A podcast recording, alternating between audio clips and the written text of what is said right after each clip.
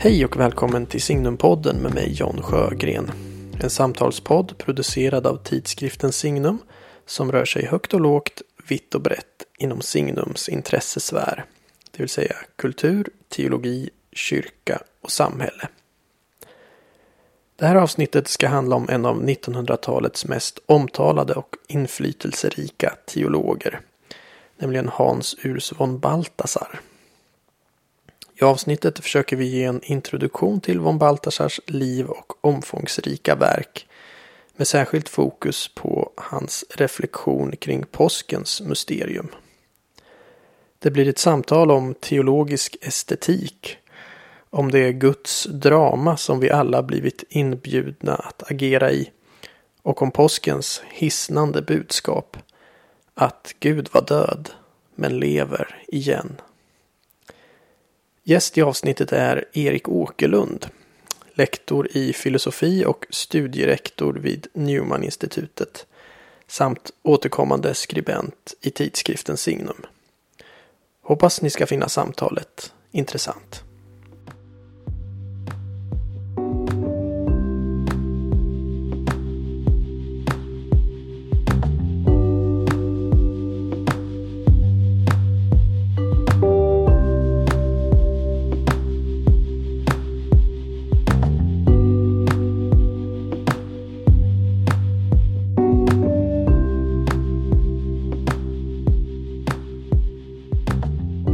Välkommen till Signumpodden Erik Åkerlund. Tack så mycket, roligt att vara här. Ja, kul att få vara här hemma hos dig och spela in. Mm.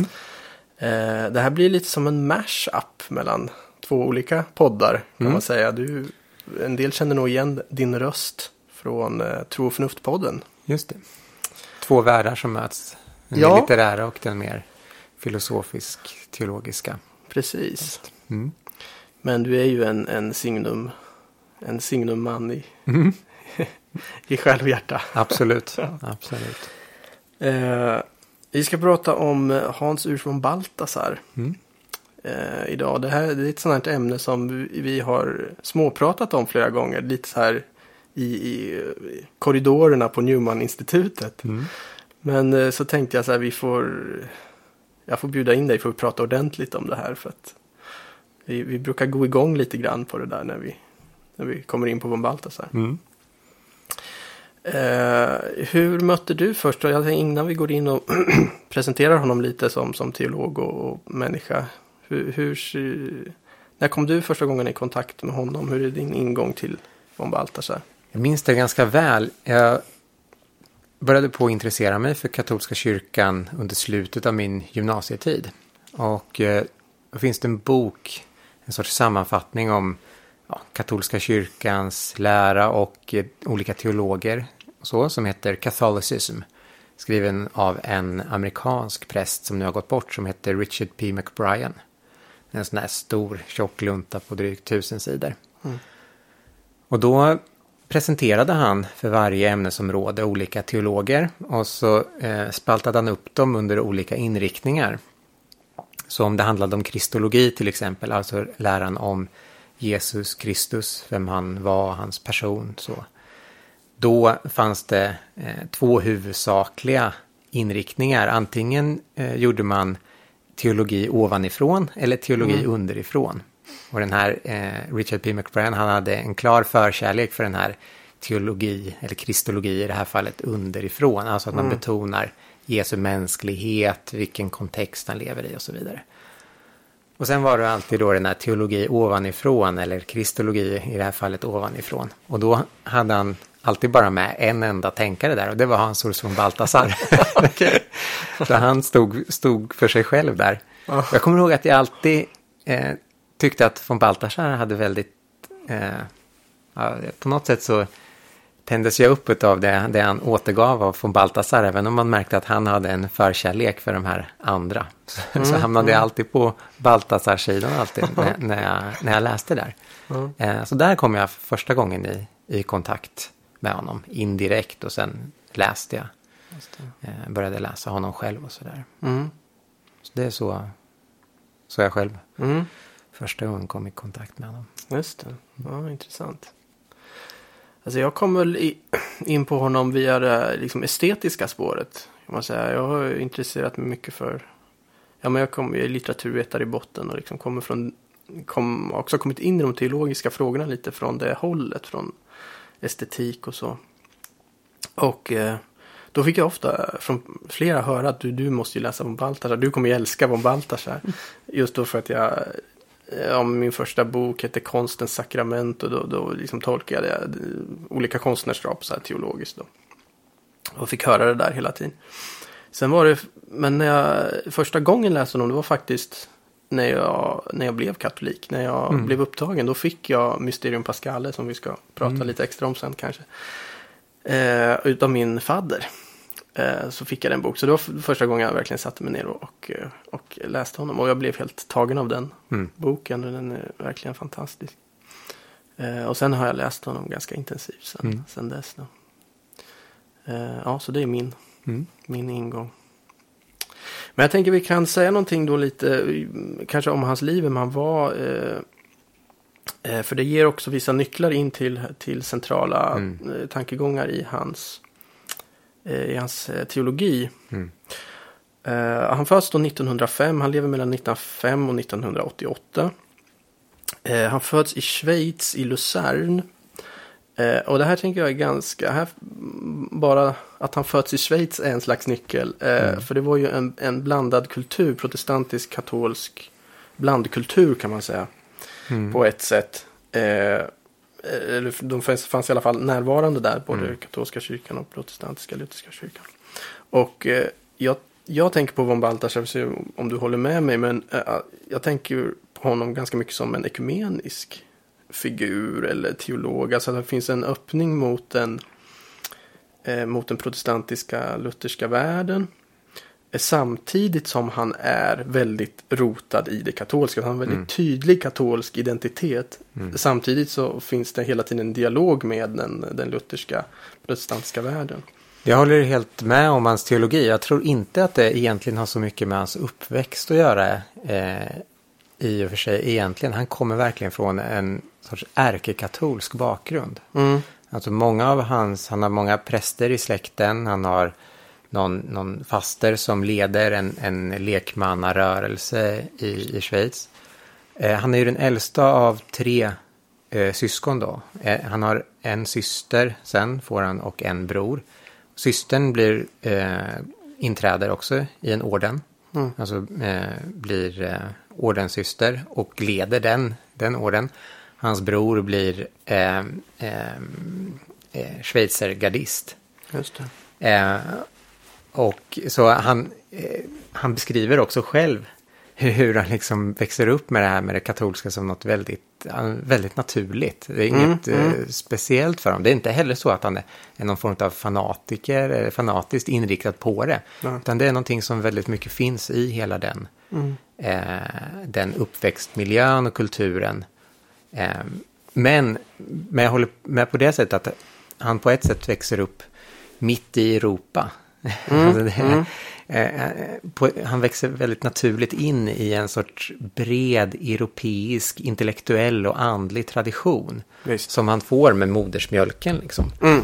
Eh, och, och på det sättet eh, så, eh, så umgås han väldigt naturligt med olika tankeströmningar och människor från olika mm. olika håll också. Mm. Och sen eh, förstås, vi kommer ju komma tillbaka till det, så har väl det också att göra med att han anknyter till kyrkofäderna. Och genom Just. det så anknyter han också till både den ortodoxa traditionen mm. och då eh, till eh, protestantisk tradition via Augustinus bland annat. Och sådär. Absolut, precis. Han, det är inte bara den mm, liksom, lutherska teologin eller den världen som, utan precis som du säger också mot öst mm. finns det ju en väldigt stark öppning hos honom.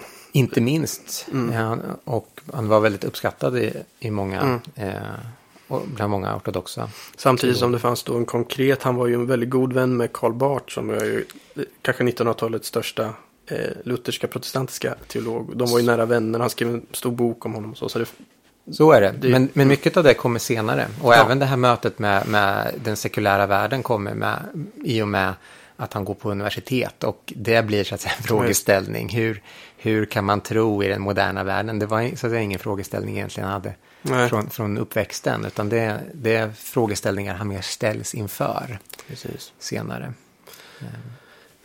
Exakt. Eh, jag tänker eh, en annan sak som finns med och som jag präglar honom också som teologisk tänkare sen, det är hans stora musikintresse. Mm. Och han är ju praktiserande musiker på, på ganska avancerad nivå ändå, om jag har förstått det rätt, eh, ganska länge. Det där kommer man ju se kommer prägla hans tänkande mycket. Alltså han är en slags symfonisk tänkare. Han har ett, till och med en liten bok som heter Varheit ist symfonisch, alltså sanningen är symfonisk.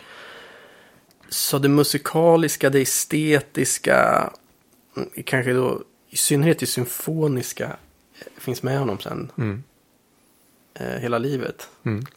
Absolut. Det finns ju en sån här apokryfisk, eh, små apokryfisk berättelse om, eh, om att eh, han lever ju sen i en, en gemenskap och när eh, eh, andra personen där eller när, när, när det så att säga inte längre behövs eh, då kan han skänka bort alla skivor han har av Mozart för Mm. han, har, han har det så att säga.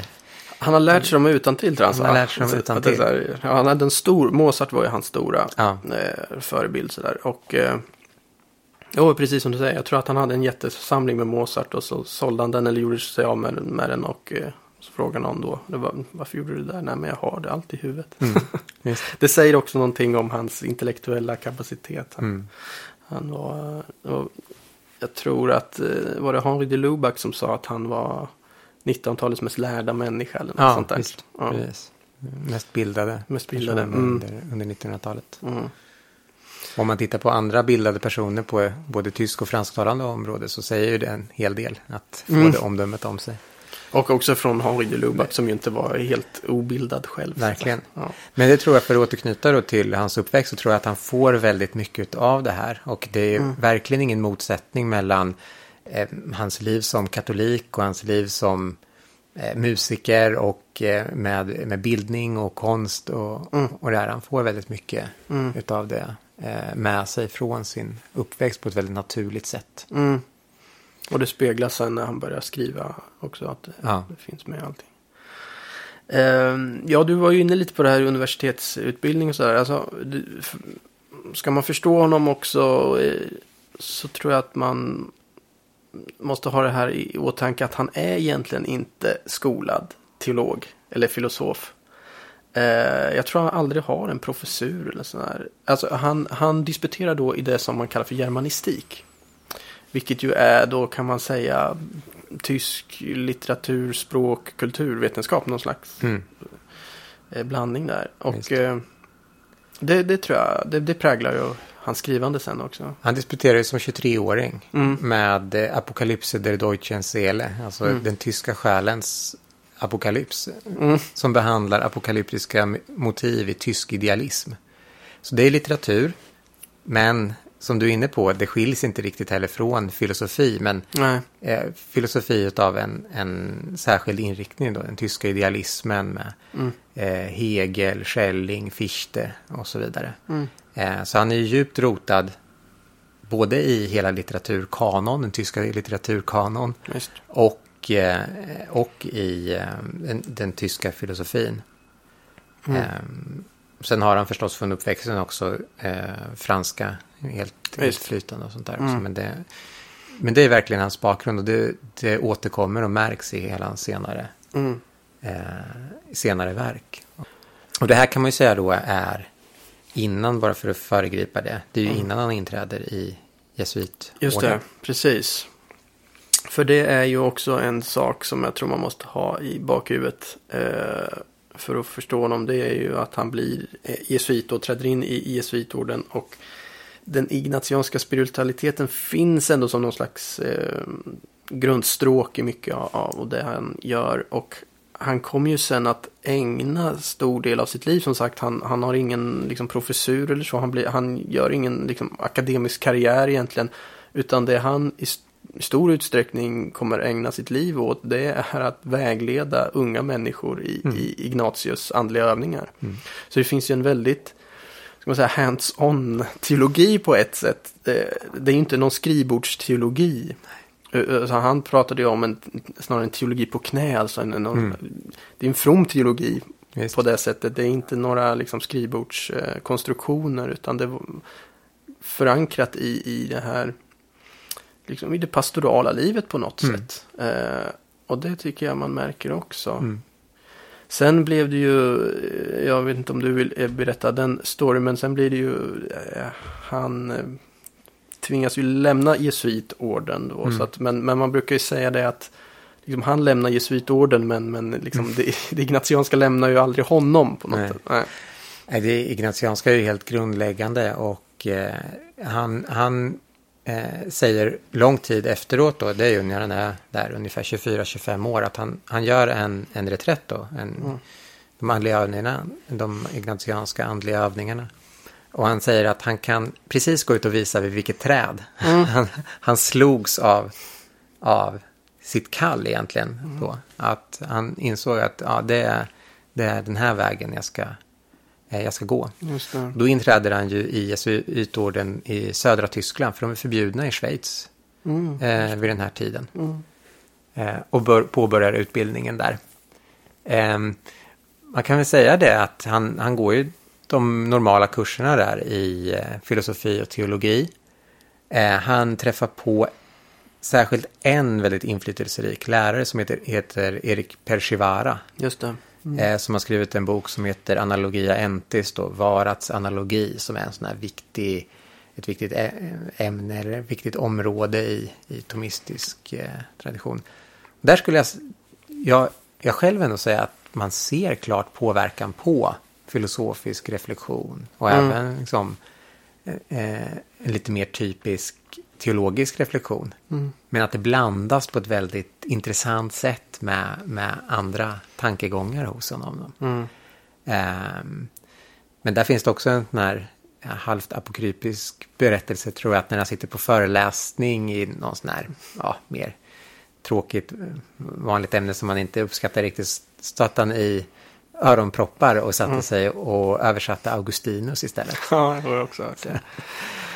Ehm, Ja, där det fanns ju en reaktion också. Man, man, han, du var ju inne på det här att han återvände mycket till kyrkofäderna. Så han, Mm. han brukar ju räknas som en del i den här rörelsen man kallar för novellteologi då. Som gick tillbaka till kyrkofäderna, gick tillbaka mycket till, till, till de bibliska källorna.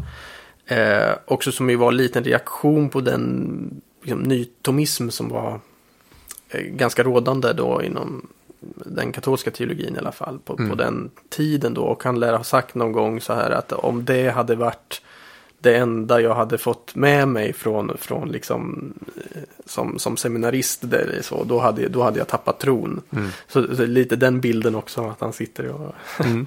Mm. med öronproppar och översätter Augustinus. Det säger ju vet man inte, det är som du säger, är det apokryfisk då? Mm. Men ofta så Men- lever ju sådana såna berättelser kvar om inte annat för att det passar ihop med. Exakt, det säger någonting, säger någonting om, om, om honom då, ja, verkligen. karaktären. Mm, Och sen om jag minns rätt så börjar han efter den utbildningen, han har ju redan disputerat då i, i eh, germanistik, eh, jobba med den tyska jesuittidskriften Stimmen der Zeit ett tag. mm, Eh, varefter där runt 1940 han får valet att antingen åka ner till Rom eh, och vara verksam vid Gregoriana eller till Basel. Mm. Och då åker han då till, tillbaka till Schweiz och Basel. Eh, och där kanske man kan då, bara för att ta upp två saker du har sagt. Dels eh, så träffar han ju på Karl Barth Mm. i Ba- Basel där och föreläser bland annat över, senare över Barths teologi framför bland annat Karl Barth. Och han träffar då på den här Adrien von Speyer Mm, blir Som- väldigt viktigt. som blir väldigt viktig och som då är eh, lä- läkare. Och när han träffar henne så är han fortfarande protestant. Mm, Eh, men konverterar ganska snart och blir katolik. Eh, hon är ju gift. Eh, och, det är inte så att de har mm, den, den typen av förhållanden, men de blir väldigt viktiga för varandra vad gäller den andliga Mm, vägledningen och den andliga biten. Han då som hennes andliga vägledare och hon som har en, en stark intuitiv och mystik mm, eh, sida.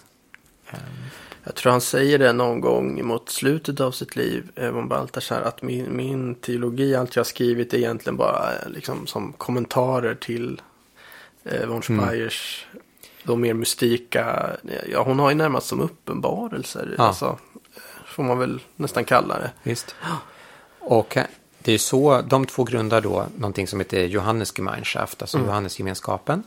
Och sen grundar han ett eh, förlag som heter Johannes förlag, mm. Johannes förlaget. Och det grundar han ju för att, att säga, redigera och ge ut hennes skrifter eller skrifter mm. då som han, han tecknar ner. Hon äh, dikterar för honom. Han nedtecknar och redigerar och ger ut. Mm. Om jag förstår ungefär 60 volymer. Ja. Eh, och det här förlaget ger ju sen ut mycket annan litteratur och han översätter all typ av litteratur, teologi och så vidare från franska till tyska framför allt. Mm. Eh, men, men det utgör ju mycket av grunden för hans, hela hans fortsatta, fortsatta verksamhet där från mm. 40-talet eh, och framåt. Men han ställs ju inför ett ultimatum som man kan förstå eftersom han mm. grundar den här Johannesgemenskapen tillsammans med Adrian von Speyer. Eh, att välja mellan jesuitorden och Johannesgemenskapen. Mm. Eh, vilket man kan förstå. Och då, då uppfattar han det som att han att säga, är kallad till att gå vidare med mm. Johannesgemenskapen. Han kände att den kallelsen var starkare så att säga. Ja, mm. och det kan man säga där att det är ju här är tiden efter andra världskriget. Det finns ett liksom sökande efter vilken, vilka former ska det kyrkliga, det kristna livet få i den här mm. nya världen. Och det där är ju ett sorts svar på det, eller ett försök till svar. Mm. Eh, en en liksom lekmannagemenskap som ska leva närmre, som man tänker sig, närmre människorna då. Mm. Mening. Precis. Det är ju den här tiden sen som arbetarprästerna kommer i Frankrike och, och sånt där. Så det, mm. det, det, är en ganska tidstypisk, eh, ett tidstypiskt grundande de gör egentligen. Mm. Precis. Man kan väl säga också ett tema som, som von Speyer ofta återkommer till i sina mer mystika texter är ju då också påskens mysterium. Mm. Alltså Jesu lidande och framför allt det här Jesu ska man säga Nedstigande. det? Nedstigande, precis, mm. i, i dödsriket. Eh, så det, det, är nästan som en sån här fix grej hon har som hon mm. kommer tillbaka till hela tiden. Och det blir då centralt också för, för von Balthasar, särskilt i den här boken som heter Mysterium Pascale, som Visst. jag tänker vi ska återkomma till. Och hennes eh, visioner och hennes mystika erfarenheter förtätas ju verkligen runt påsken. Mm. Trappas Visst. upp till, till långfredagen och sen mm. genom Eh, de tre påskdagarna. Om man ska säga någonting lite kritiskt, jag uppskattar von Baltasar, men någonting jag tänker på ändå när det gäller eh, det där med, med eh, Johannesgemenskapen och von Speyer. Eh, mm. För det första, eh, det här med von Speyer, det är nästan lite för klassiskt så att säga. Att mm. den här manliga teologen eh, som håller på med rationellt tänkande nästan söker upp den här mm. mystika inspirationen ungefär som har funnits i, i historien någonstans. Om man tänker på, ja från Sverige, Heliga Birgitta och Mäster Mattias. Och mm, man har liksom Kristina eh, av Stommeln och Petrus av Dacken. Och man har den här typen av eh, manligt kvinnligt komplementaritetspar i historien. Det behöver inte vara Nej. något fel, men det känns nä nästan som att han ja. söker. Men det finns ju också, det finns ju speglat i hans teologi också. Eh, det har han ju blivit kritiserad för att han tänker sig, alltså han reflekterar en hel del kring manligt och kvinnligt mm. och, och, och, tänker ju väldigt ganska konkret eh, komplementärt kring det och så också. Det mm. har han, han fått en del kritik för. Ja, just den delen har jag i och för sig inte så stora problem med. Han, han pratar, han har skrivit en väldigt fin kort artikel om problemet med att leva i vad han kallar för en fader och moderlös kultur. Mm. Alltså vad det gör med, med människan och så. Men just mm. den där konkreta livsformen han hittar. Mm. Eh, det är nästan typiskt för en, en liksom tänkande människa att han tänker fram hur, ja. hur han ska leva. Även om han i sin teologi kritiserar det. Mm, och det är samma sak då.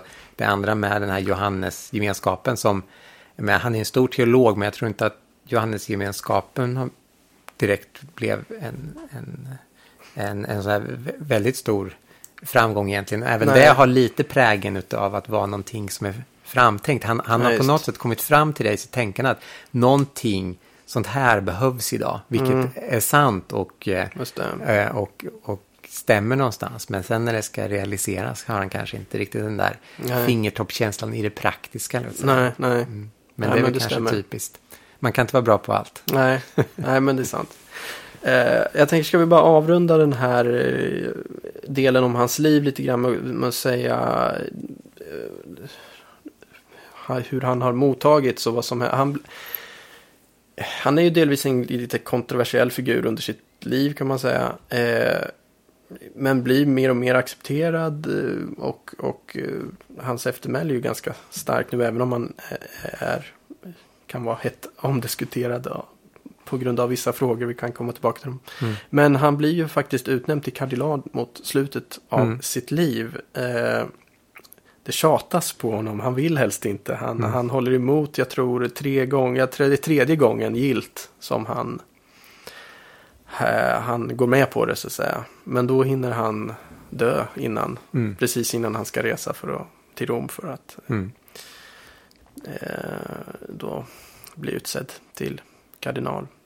Eh, ja, Ja, det är ju så att när han utträder ur jesuitorden där runt 50 så blir hans ställning i kyrkan väldigt blir problematisk. såklart. ja. Alltså, han lever i ett kyrkligt ingenmansland tills han inkardineras i stiftet Kor Mm. 1956 tror jag det är. Men han har ju heller ingen, som du var inne på, han ha- hade ingen professorstjänst eller någonting sånt där heller.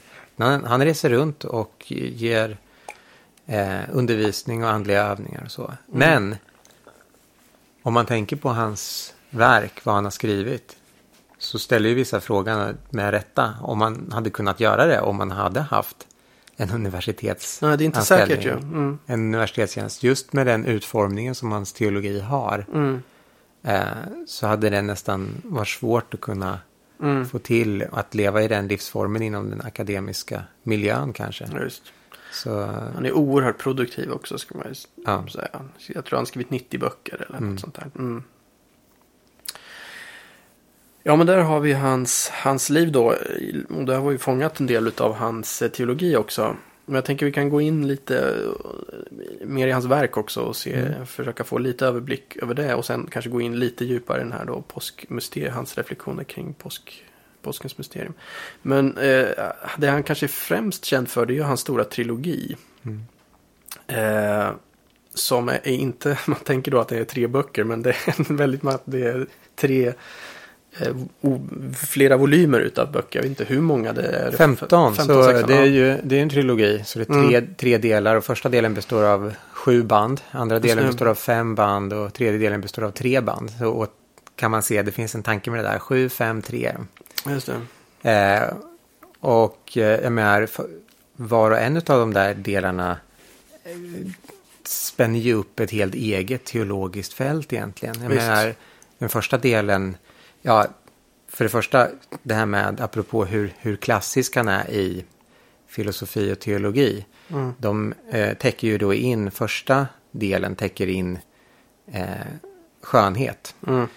Eh, andra delen täcker in godhet och tredje delen sanning. Så det är Mm. ju, den är uppdelad i enlighet med de traditionella transcendentalierna. Precis. Sanning, godhet, skönhet. Om en i Ja. omvänd ordning då. Så skönhet Precis. först. Precis, och det är ju en poäng verkligen. Den, den första delen heter då Herrlichkeit. Eh, the Glory of the Lord tror jag den heter i Mm. engelska översättning. Och där lägger han då fram eh, vad kan man kalla för en slags skönhetens teologi eller estetisk teologi. Eh, Teologisk estetik. Ja, precis. Och det där, är, det där är väl någonting om jag tänker på när jag först stötte på honom och sen var, som var lite oväntat när jag läste honom så förstod jag inte riktigt hur det här kunde vara estetik först. Nej. Men man, det kanske är mer... Eh, man kanske förstår mer om man tänker sig att estetik och skönhet här inte har så mycket med vad man idag först tänker på som skönhet. Att någonting Ja. är vackert utformat eller att det, det är snyggt sådär i största allmänhet. Utan det har att göra med attraktion. tilldragelse. Att liksom bli fångad av någon och Mm. buren ut ur sig själv ungefär. Visst. Och det är förutsättningen för att vi alls ska bry oss om sanning och godhet. Så det, det, det är den här... Han är ju intresserad av, precis, han är ju intresserad av formen eller som gestalt på hans tyska då. Alltså, om han, man kan säga att han resonerar ungefär så här, alltså varför kommer det först? Jo, jo för att i formen är det första som möter oss. Det är det för, alltså, vi ser att någonting är skönt innan vi förstår att det är sant eller gott. Visst. Så att, eh, och, och för mig är det där helt, jag köper det verkligen alltså, att det, det är ju så det funkar. Att eh, formen kommer först. Eh, Skönheten kommer först. Och sen dras vi ut genom, precis det du är inne på, attraktionskraften då i formen, eller gestalten då. Eh, drar oss ut, i, ut ur oss själva mot det här då innehållet som eh, formen bär på. Mm.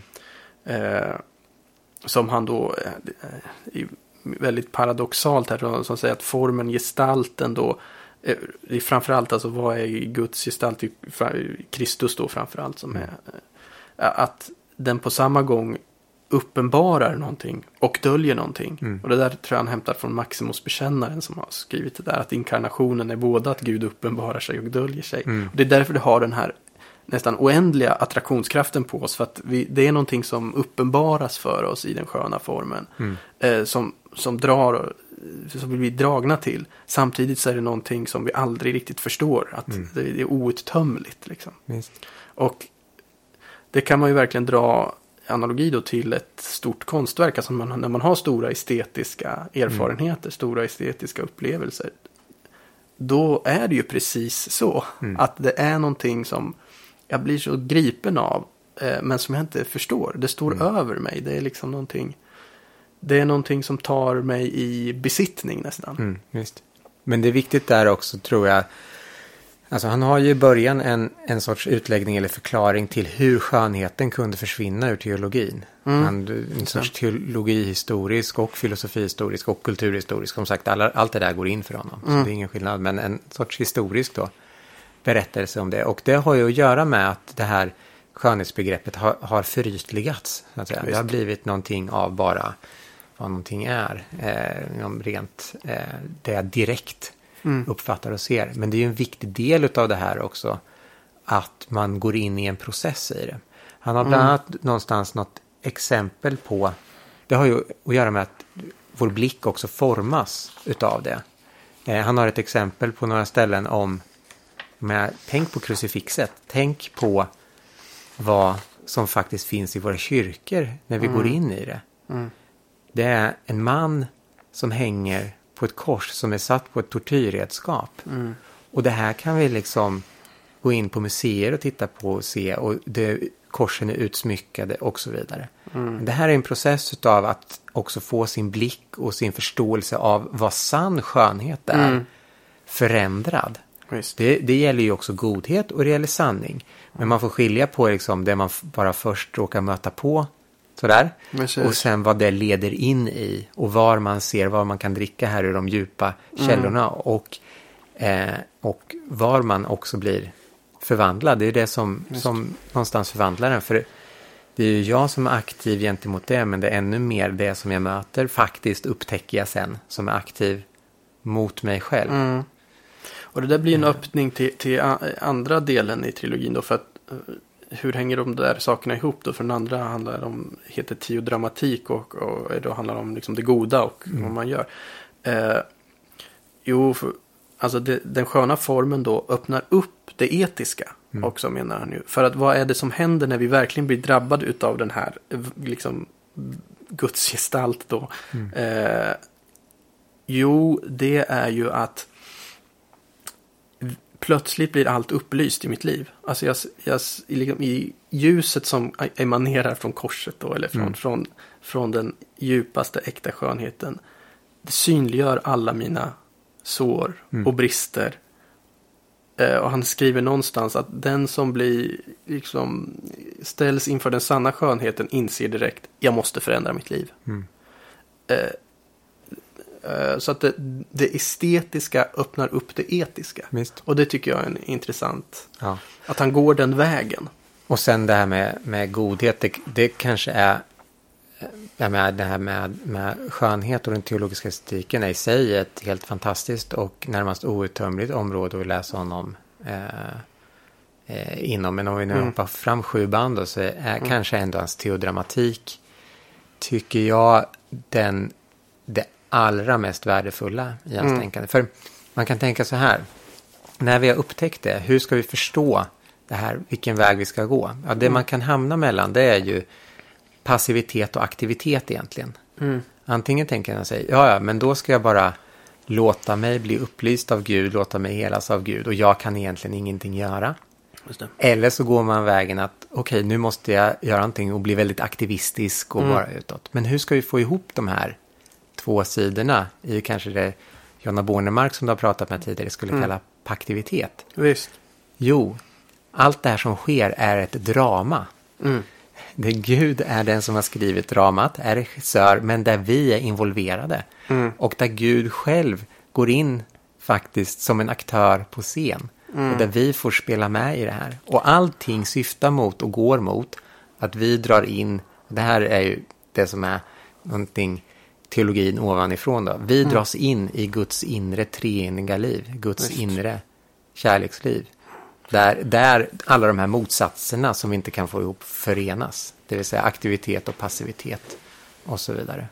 Och ja. den, det perspektivet och den ingången till hela, till hela teologin också egentligen. Eh, mm. Eh, tycker jag är fantastiskt eh, eh, värdefull och ett fantastiskt mm. bidrag. Jag håller med dig. Jag tycker nog också teo, teodramatik som är då andra eh, delen här är den mest intressanta egentligen. Och eh, Eh, ja, det är verkligen alltså hur han gör det här då till ett spel mellan två friheter. Alltså fri, friheten är så viktig i det här. Det, det är ju något som vi kommer komma tillbaka till det som han blir lite kritiserad för då mm. när han reflekterar över påskmysteriet. Vad händer med den fria viljan och så. Mm. Eh, men eh, har man då läst teodramatik så vet man hur viktig den fria viljan är för honom. För det är det egentligen som är grunden för allting där han menar att att vad är det här tiodramat? Vad är gudsdramat? Vad är, vad är det? Jo, det är ett spel mellan den gudomliga oändliga friheten och människans begränsade frihet. Mm. Och det är när vi låter oss så att säga bli eh, överlämnar oss på något sätt eller när, när den, ja, vi låter, går in och spelar med som skådespelare med den gudomliga friheten. Det är då ja. vi blir på djupet fria. Ja. Och det som är så intressant är ju att han också han, han, menar ju att vad, vad, är då Jesus? Han säger att, det är ju det du har varit inne på, han bjuder in oss då i, Guds inre liv. Men det är också scenen. Alltså inkarnationen är att Gud erbjuder en scen för människan mm. att bli på djupet sig själv. Eh, då i samspel med den gudomliga friheten. Mm. Så det här, vad, vad, är det här Guds rike som, som, som Jesus pratar om hela tiden? Guds rike är nära, Guds rike har kommit. Jo, det är själva scenen, säger von Baltasar. Det är att nu, ja. nu har Gud öppnat upp, nu har, har, jag öppnat upp mitt eget hjärta. Jag har Just. erbjudit en scen här för er. Eh, kom och spela med. Liksom. Och där kommer även det kosmiska perspektivet in. Det är inte mm. bara människan, det är hela kosmos, hela, hela världsalltet, hela världshistorien. Allting dras in i, stegvis in i Guds inre liv, Guds inre treeniga treeniga liv, det som det syftar mot. Och det är det Jesus gör. Han stiger ner för att dra in mm. allting och han går ända till de allra yttersta gränserna av själva existensen mm. för att dra in. Och det finns ju många nytestamentliga bibelord som, som talar om det. Om fåraherden som förlorar ett får och går och letar efter det. Eller kvinnan som förlorar ett mynt och, mm. och liksom letar efter det. Och när hon hittar det så ställer hon till fest och så vidare. Mm. Alltså omsorgen över allting ända till existensens yttersta gräns. Och det kan man då förstå i det här säga, skådespelsbilden mm. eh, utav att det är indraget, det dras in i den och är indraget i den eh, i den logiken eller i Visst. den teodramatiken då. Mm. Som hela tiden också är ett redan nu men ännu inte. Visst, Den är på scenen men, men, men missionen är i en mening. Det återstår också. Mm. Dras fortfarande, fortfarande in. Verkligen. Och det är återigen en sån där, bara som ett exempel på just hur man får ihop olika delar. vad man kan kalla då för det johanneiska och, Mm. och det paulinska, eller det här inkarnationsperspektivet Mm. å ena sidan och å andra sidan korsperspektivet. Ibland kan man ha teologier som betonar det ena eller det andra. Det är enkelt att säga så här, ja, ja, vi ska ha båda två, men här... Mm, men det är svårt att göra. Det är svårt att göra, Ja. exakt. Det är inte bara att säga att man ska ha balans mellan det. Nej. Men här har man verkligen, eftersom det är en dynamisk Mm. teologi, eller återge någonting dynamiskt, eh, och någonting som är ett, ett, ett utdraget skeende, så Mm. är det precis som i ett skådespel att det, det, det, det rymmer olika akter, det rymmer Mm. med olika karaktär, eller som ett musikverk med eh, olika, eh, olika satser. Mm, visst. Jag tycker man, man kan nämna också, vad när, man, när vi pratar så här om det så, så det, kan, det kan låta så vansinnigt så här abstrakt och så. Mm. Eh, men det jag tycker han gör bra i teodramatik då till exempel, det är att som sagt, han är väldigt bibliskt förankrad. Han, han illustrerar ofta med, med eh, liksom exempel från Bibeln och bibliska berättelser och sådär. Eh, så att jag tycker inte att det är så fasligt svårt att läsa honom. Eh, alltså en del, det är klart, det är ganska liksom, tät. Det kan vara tätt skrivet och, och så. Eh, men det finns ändå någon slags lätthet i det här. Att han, Mm. han eh, pekar på, på liksom konkreta exempel som gör att man förstår. Eh, ja. Det hjälper om man, om man har läst Bibeln lite grann. Och det Mm. hjälper om man har lite, lite grundkoll på framförallt europeisk kulturhistoria och, ja. och, och så. Men, men, Sen men det är absolut inte, inte Nej. svårt på det sättet. Han, han kommer ju från, som du var inne på tidigare, ett mer litterärt håll och Mm. uttrycker sig med ett väldigt blommande språk. Första delen i teodramatik är ju egentligen bara att han ger en slags eh, historik över hela västerlandets eh, teaterhistoria. Mm. Eh, så att han, han liksom lägger också en slags grund för läsaren. att eh, Så han ger liksom lite verktyg att det är det här, det här, han etablerar den här teatermetaforen Visst. ganska tydligt då i första bandet. Mm. Sen är det då tredje, då kommer han till det sanna teologik. Mm. Eh, har du läst den? Nej, den har jag Nej. faktiskt sämst koll på. Det, Den- det, det är ju så den- att alla har ju sämst koll på den. Ja, Eh, och, Och det jag tror också att han skrev, om jag inte missminner mig så skrev han den innan han hade skrivit de andra va? Och satt, satte så att säga på, mm, eh, på den. ehm, Mm. efteråt. Nej, den har jag inte läst själv. Det, det jag har läst med den är, eh, det finns en engelsk dominikan som heter Aidan Nichols. Mm, Som har skrivit en sammanfattning över trilogin som faktiskt är tre band. Mm, mm, Så jag har läst sammanfattningen av den här just det. teologi. Men det ligger ju i, i förlängningen av det vi har pratat om. Och det är väl, om, om det är två huvudsakliga delar man tänker på så är det ju den teologiska estetiken och Ja, det här med teodramatik. Visst. Men det är absolut inte så att han skulle vara, eh, inte betona sanning. Tvärt- Nej, nej, nej. Tvärtom. nej, det är ju förstås. väldigt tydligt. Det är ju inte så här ibland. Eh, eh, om man återberättar von Balthasar så här. Det, det går från det sköna till det goda till det sanna. Då säger de att det är tre stadier. Alltså lite samma man tänker Kierkegaard som Mm, ja, går just från det estetiska till det Mm. etiska, det religiösa. Och så. Men han tänker ju inte riktigt att det här är liksom så här tre faser och de är separerade. Utan det är ju liksom, de går, det går ju in i varandra Ja. hela tiden. Och liksom det sköna, det goda, det sankta är ju en sak egentligen. I bör, precis. Eh, I början av, eh, av Herrlichkeit så beskriver han det som att skönheten är strålglansen som Mm. omger godhetens och sanningens dubbelstjärna. Sitt precis, det, det är så. Och jag menar, i den traditionella synen så är ju sanning, godhet och skönhet en och samma sak. Det är som Mm, sagt visst. transcendentalierna, så det är de egenskaper allting som är eller existerar har bara i sin egenskap av att, va- Att vara. Ja, och Gud är då själv.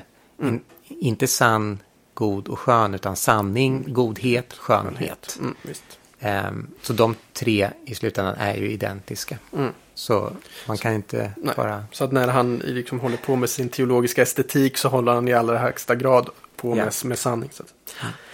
Ja, men ska vi gå över då till, till uh, Mysterium Pascale och hur, hans reflektion kring påskmysteriet. Mm. Eh, vi närmar oss påsk här nu så det kan ju vara passande. Mm.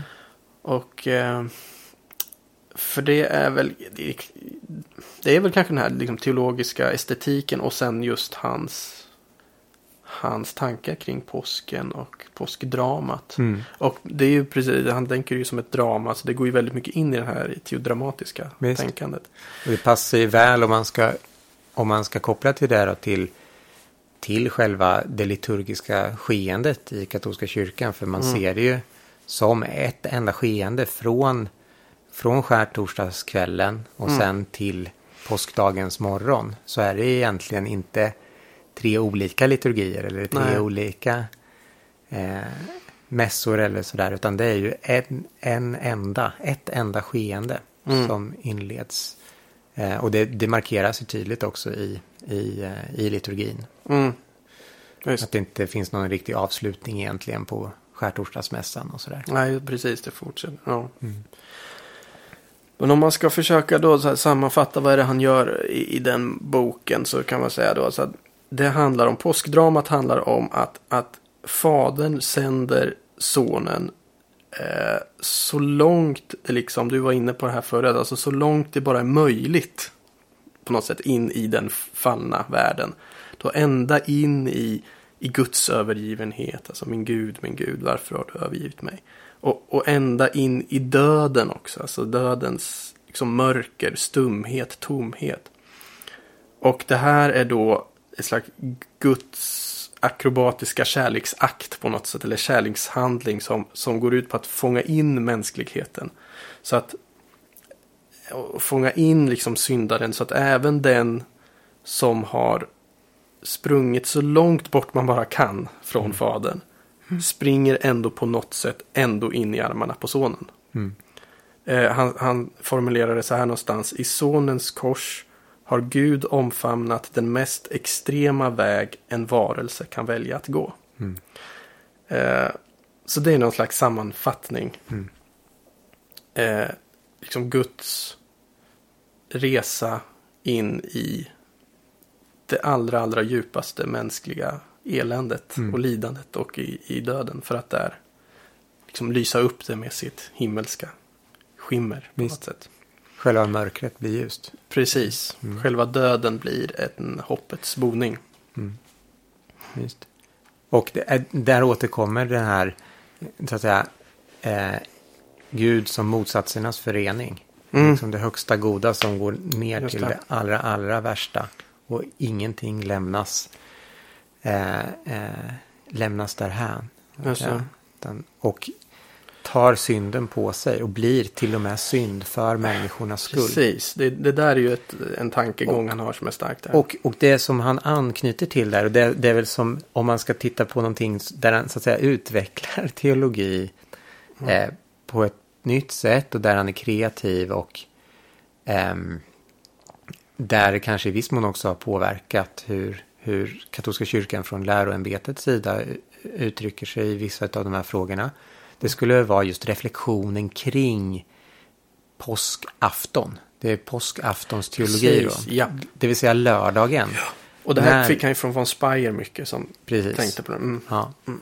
Ehm, och det handlar ju om, då om vad som sker, låt säga, mellan Jesu död på korset Mm. och Jesu uppståndelse. Mm. När han nedträder i dödsriket Precis. och sen spränger dess portar och återuppstår. Mm. Att så att säga teologiskt reflektera kring det, vad det faktiskt innebär. Att, att nedstiga till de döda, till det allra, allra yttersta. Mm. Och det är där han verkligen starkt betonar i den här boken då att Gud är verkligen död. Just det. Det, Det är ingen skendöd. Det är ingen skendöd. Nej, det han menar är ju liksom, vi har inte reflekterat kring det här tillräckligt djupt på ett sätt. Va? Mm. Eh, det, inte, det här är inte liksom någon liten mellanstation mellan eh, innan uppståndelsen. Utan det är det här att Gud är död. Mm. Det var väl det som hände lite i mig när jag läste en bok som är det här hisnande. Att man börjar tänka den tanken till slutet. Att Gud har dött men lever igen. Det är liksom påskens budskap. Mm. Men som man får inte som är gå något fort. hisnande. Man Man får får, inte inte gå för fort, fort i det här. fram. Han Och det, det har att göra med det här med, med om man bara återvänder till hur, hur hans tänkande i grunden är. Det är inte så att han skulle förneka uppståndelsen på inget sätt. Nej, nej, nej. Det handlar bara om, om man lyssnar på ett, ett verk, om man tar del av en pjäs så måste man låta varje del ha Mm. sin egen tyngd och att kunna vila i det när, när det sker. Så Mm. precis som du säger. Nu måste vi säga, vila i det och ta, Mm. ta in den delen. För Mm. att också kunna sen ta in Uppståndelsen också. vidden och, Mm. och tyngden eh, och strålglansen av Mm. uppståndelsen. Nej visst, för det är precis som du säger, det är ju inte så att han då nedtonar uppståndelsen utan snarare det är eh, utan det är snarare när vi verkligen tar in vidden av att Gud är död. Där Mm. som också uppståndelsen får sin sanna tyngd. Det var liksom, han var inte lite skendöd utan Visst? han Ja, var... det är ju en, ja. en liksom ti, ti, tidig heresi som den kristna kyrkan mötte på. Just att döden på korset bara skulle Ja, vara en andlig död. Eller att man säga, bortförklarar det på något sånt sätt. Vilket man kan förstå eftersom det är någonstans ändå döden på korset som är ett, ett stort... Eh, eh, en, liksom, någonting som är svårt att ta Mm, till sig och förstå hur det går ihop. Det var det för de första, för hans lärjungar. Och mm, det är det och bör vara det är det för oss också. Ja, för, ja. för oss än. Även om det kan vara sånt där som man bara tillvänjer sig så får man Mm. avvänja sig lite grann vid att det är så, en så bekant tanke Mm. för att kunna ta till sig det. Visst. Ja, och det är också, du, du snuddade vid det också som är eh, också är liksom en svår tanke eller man försöker få grepp kring det här liksom att Jesus blir synden. Mm. Att han, vi, vi är ju ganska familjära med den här typen av språk att Jesus tar synden på sig och så vidare. Men vad betyder det där egentligen? Alltså att Jesus, och von Balthasar går ju verkligen in i den här tanken att ja, men Jesus blir synden i sig, som man säger. Mm. Han blir inte en syndare, för det är, det är lätt då att man tänker, Just. eh, det, är liksom en hetisk tanke då. Nej, Jesus var inte, var, han var fri, syndfri, men han blir själva synden i sig på Mm. korset. Tar den frivilligt på sig. Precis. Mm. Och Så blir att- den.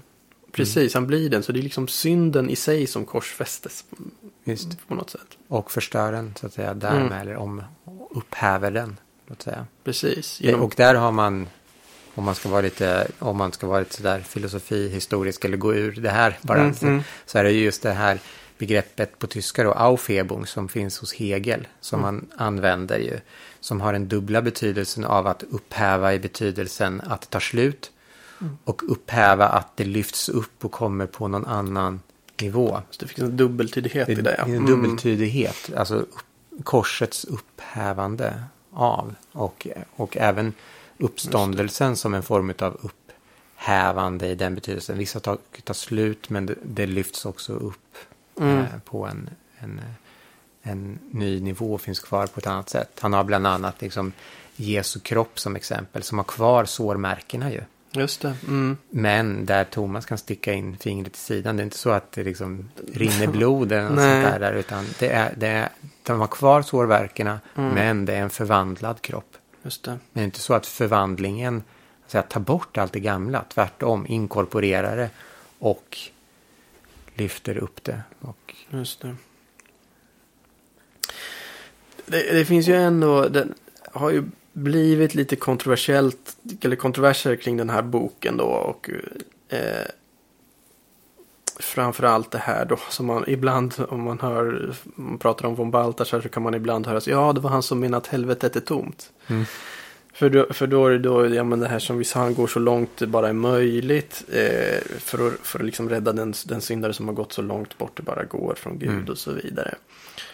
Eh, vart en syndaren vänder sig så, så, så är sonen där så att säga. mm, Eh, och då finns det de som menar eh, när den här boken kom så men predikar inte han eh, universalism här alltså? mm, Att alla människor blir frälsta. Mm. Att, vi kan, att vi kan veta det.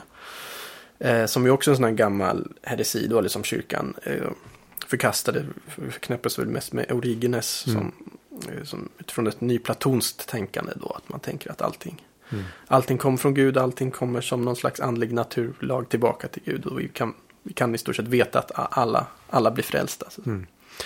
Eh, men det är ju inte riktigt det von Balthasar gör. Men alltså hur ska man svara på det tänker du? Jag skulle säga att han, han är influerad eller inspirerad av bland annat Origenes och, Mm. och ett mer som vi var inne på förut, ett mer kosmiskt perspektiv där återlösningen handlar om att Jesus en dag ska bli allt i alla. Mm, Paulus. Eh, Mm. En, en, det perspektivet. Men den viktiga delen är att människan, som vi var inne på förut också, behåller sin frihet. Mm. Människan kan alltid säga nej. Mm. Det von Baltasar säger är att vi har det här perspektivet. Kristus går ända till verklighetens yttersta gräns. Mm. Så det finns ingen som på det sättet har blivit någonsin totalt förkastad av Gud i bemärkelsen att Gud inte skulle vilja ha en relation med den. Mm. Men det ingår i den dynamiken att visst människan alltid ytterst i slutändan har möjligheten att kunna säga nej till Gud. Mm. Vi hoppas på att ingen gör det till slut. Det är Mm. så att säga fördolt för oss. Kyrkan har kanoniserat helgon. Så hon har sagt att vissa är Mm. i himlen. Men hon har aldrig sagt att någon eh, slutgiltigt skulle hamna i helvetet. Nej. Och vi, vi hoppas på. Eh, och han har en bok som heter det ungefär. Vad vågar vi hoppas Vad vågar då? vi hoppas? Eh, och det, det är väl det, det så att säga grundläggande perspektivet av eh, att det är Gud som försöker samla in Mm. alla. Och sen måste helvetet finnas där som en möjlighet för människan att välja. Nämligen, nämligen att inte ha en relation med Gud. För det ligger i själva den mänskliga och personliga dynamiken. Mm. Annars skulle det inte finnas någon genuin kärlek eller någon genuin personlig relation. Och det skulle, det skulle inte finnas något drama heller. Nej, Så att he, hela, om det var det han sa skulle han dra undan mattan för hela sin teologi på Ja, ett sätt. visst. För att, för att han, ja, hela dramatiken bygger ju på att det finns en genuin mänsklig frihet. mm, Det han säger i den här boken är att men Gud har gått så långt mm, som det bara är möjligt. mm, Nu, sen är det upp till oss. Att säga. Mm. Men, men från Guds sida har han gjort allt som det bara är möjligt Visst. för att rädda oss. Och det är väl snarare då eh, det perspektivet, vad ska vi börja med? Vad är det grundläggande perspektivet här mellan vad gäller å ena sidan eh, Guds utsträckande och Kristi utsträckande till alla människor och Mm. å andra sidan helvetet? Jo, det är liksom Guds agens eller Guds handlande som, som måste vara det grundläggande perspektivet. Sen måste helvetet finnas där som, som en, någonting som människan kan välja. Mm. Och det här har blivit bland annat en, en het fråga eftersom eh, en av eh, Baltasars efterföljare och största beundrare eh, är ju Josef Ratzinger eller Mm. påven emeritus Benedictus den 16 som bland annat Predikade, på, han- mm. predikade på hans begravning. Mm. Som ju ledde troskongregationen under, under många år. Och naturligtvis har de här Mm. tankarna också, eh, em, man kan se att de återspeglas i hur lärodokument och sånt är, Visst. är Och- och- utformade. Om man läser Ratzinger, man kan läsa till exempel hans den här introduktion till kristendomen när han pratar om påsken där. Det är, det är väldigt mycket Mm. den, de här tankegångarna och ett, ett von Balthasars språk så att säga. Visst. Mm. Så är det. Nej, jag, jag, precis. Jag tycker det är bra. Adrian von Speyer har ett, att man, man ska inte tänka antingen eller här. Hon, hon har sagt så här någonstans att sanningen är inte ett enkelt antingen eller. Antingen är någon i helvetet eller så ingen det. De båda är delutsagor i sanningens fullhet. Vi når inte fram till sanningen om vi bara lyfter fram en del och gömmer undan den andra. I varje perspektiv måste helheten komma fram. Eh, Och jag tänker det är lite von Balthasars ambition här Mm. på något sätt. Mm. Mm. Ja, men där har vi väl kanske ringat in ganska bra von Balthasars liv och, och gärning. Har börjat skrapa på ytan Ja. till några delar av, eh, eh, av eh, hans eh, liv och gärning i alla fall. En, man, en introduktion som kanske ger mer smak. Så, Förhoppningsvis. Ja. Ja. men precis. För det är ju så, och det är det som är så svårt, men det är ju mycket i hans språk som det ligger Visst. och det sätt som han skriver på Precis, det, ehm, som man får sig det till del. absolut. Det är mycket det som jag finner attraktivt också. Att det är en slags, det är en litterär upplevelse att läsa honom. Mm. Han, har, det finns något, eh, han skriver väldigt vackert. Mm. Ska vi avsluta kanske med om man något sånt här tips vart man kan börja. Det är ju som sagt en väldig eh, korpus som han har producerat. För ska man Vart ska man börja? Jag kom faktiskt på nu var, man, var vissa skulle kunna börja. Jag hade tänkt att... Eh, ehm, ja, men då tar jag två Ja. eh, titlar. Den som väl många säger är den mest fullständiga eh, framställningen, den bästa framställningen, är den här Glaubhaft, Glaubhaft ist nur Liebe. Mm. Only Love is Credible. Den Just finns det. ju inte på, på svenska då. Ehm, så den, det är väl en, en, ett sånt ställe att eh, börja. Ja, på svenska finns en eh, översättning av 101 bibelmeditationer som heter Kärlekens cirkel. Utgavs, eller översattes av Sten Hidal. Sen kom jag på en tredje. Mm, Eh. I tre delar dessutom. Så väldigt baltasarianskt där. Övermåttan av, av Mm. allt. Eh, nämligen då den här sammanfattningen av hans trilogi. Om man inte känner att man kan, vill gå in på de här 15 banden på en gång så tycker jag själv att den eh, sammanfattningen av trilogin är en ganska bra början för trilogin. För att kunna se skogen innan man tittar på alla träd. Just. Och eh, då heter eh, sammanfattningen av hans eh, teologiska estetik The Word Has Been Abroad. Eh, sammanfattningen av hans eh, teodramatik heter No Bloodless Myth. Och över teologiken då är Say It Is Pentecost. Men om man mm. tittar på Aidan Nichols um, Dominikanen då så kan man, kan man hitta de här ehm, em, sorts ehm, sammanfattning eller, eller vägvisare till kanske snarare de olika delarna av von Baltasars tänkande. Det är bra. Mycket bra tips. Så jag kan stämma in i dem.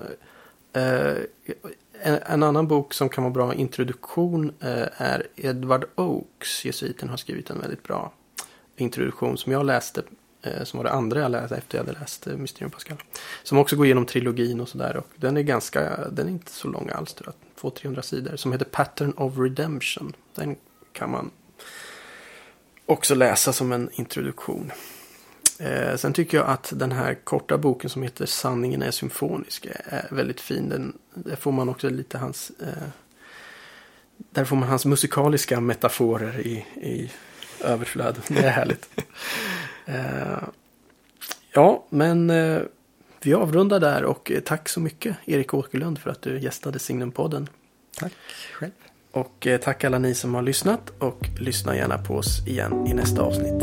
Hej så länge.